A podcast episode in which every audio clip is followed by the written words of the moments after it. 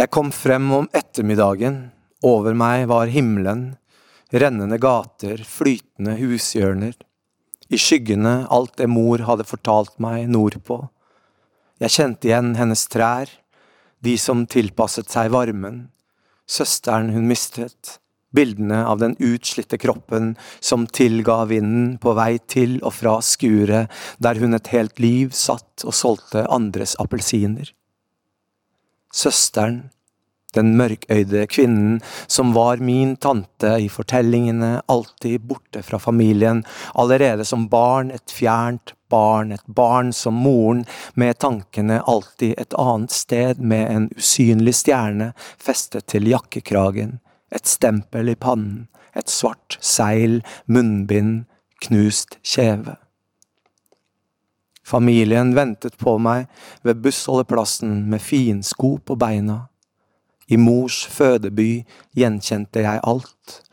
I mors stadige beretninger arvet jeg alle hundene, den sølvfargede elven, sørgepilen, katten som snudde seg og så på meg fra sin grønne avstand.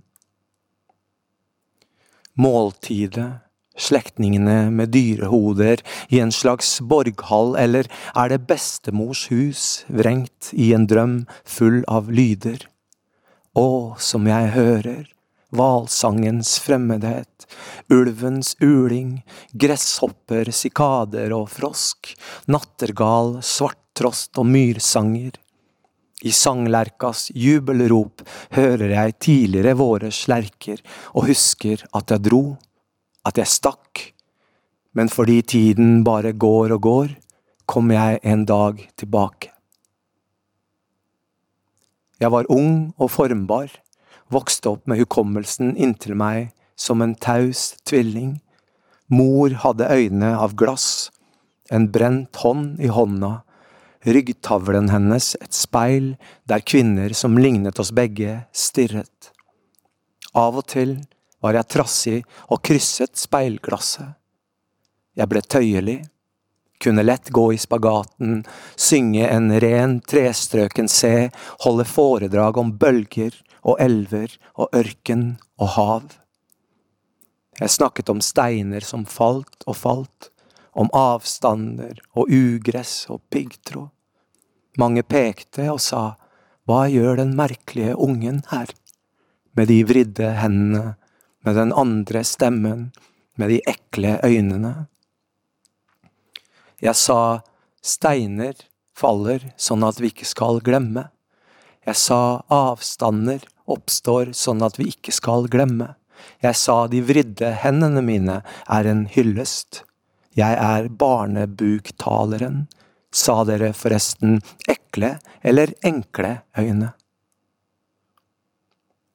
Jeg var ung, men ikke vakker. Jeg var rastløs, men ikke heldig. Jeg skjøt stadig piler over muren, klatret inn i hager, fant korianderplanter, hageslanger og en jordkjeller der en død hund ble spist av lopper, blant helt nye badefliser. Om nettene gikk tiden så langsomt, jeg så på klokkene mine, armbåndsuret med Mikke Mus, veggklokken med de forvridde armene til Jesus og gjøken ut av et lite hus i stuen hver time mens det lysnet og jeg prøvde ikke å være en gjenganger, eller heter det søvngjenger, å traske gjennom kropper og høre stemmer og ville ha selskap, men jeg hørte ingen stemmer, bare søvnsiden av mor. Jeg krysset mors ryggtavle mens hun sto ved oppvasken. Med meg hadde jeg en vugge som hvisket vugg meg, øyne som hvisket lukk meg, et jentebarn som hvisket beskytt meg, ligg ved min side, bli, ikke gå. Du synger, sa mor, hvem har lært deg å synge? Jeg ville si jeg, men jeg sa du. Mor innredet hukommelsen for meg. Av og til var hun på arbeid lenge, kom hjem utslitt og gulnet. Hendene hennes luktet vaskemiddel og kluter, og det hendte hun sovnet sittende på en sofa vi hadde fått av noen. Hun sa hun ikke hadde noe sted å hvile føttene. Hun sa det eneste hun kunne gjøre var å tilgi, og dekke meg til med blader og si slik leker man begravd. Hun fylte lommene mine med jord og sa slik leker man fattig. Etterpå mørknet det, og så ble det vinter, og hun sa om trærne tilpasser seg kulden, må vi også. Mor sa med denne avkappede hånden bærer jeg livet som en glemt hund med en død eier i pelsen. Folk gikk igjen i skyggene, overalt så jeg forelskede ungdommer, lastebilsjåfører, sekretærer og småskolelærere, inntil en vegg min far i sin første dress mor i bursdagsfeiringen til klassevenninnen som senere skrev noen få brev, og siden aldri.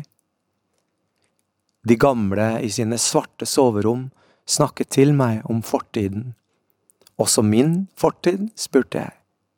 Sett deg, sa stemmene og viste meg de etterlatte husene, grå dører fulle av spindelvev, sollyset som en søvnig arm over de åpne skuffene, Gardinene flagret dovent frem og tilbake, i drømmene så jeg skygger, smygende i gangene, velkjemmede i søndagsdresser og kjoler. Smygende, lærte jeg, men også smettende, ålende, snikende, snoende. Jeg trodde det hjalp å lære, at partisippene gjorde det lettere å se for seg bevegelsen. Jeg ble alltid stående, midt i huset og skrike etter at de hadde falmet. At jeg elsket dem, skrek jeg, men jeg så dem aldri.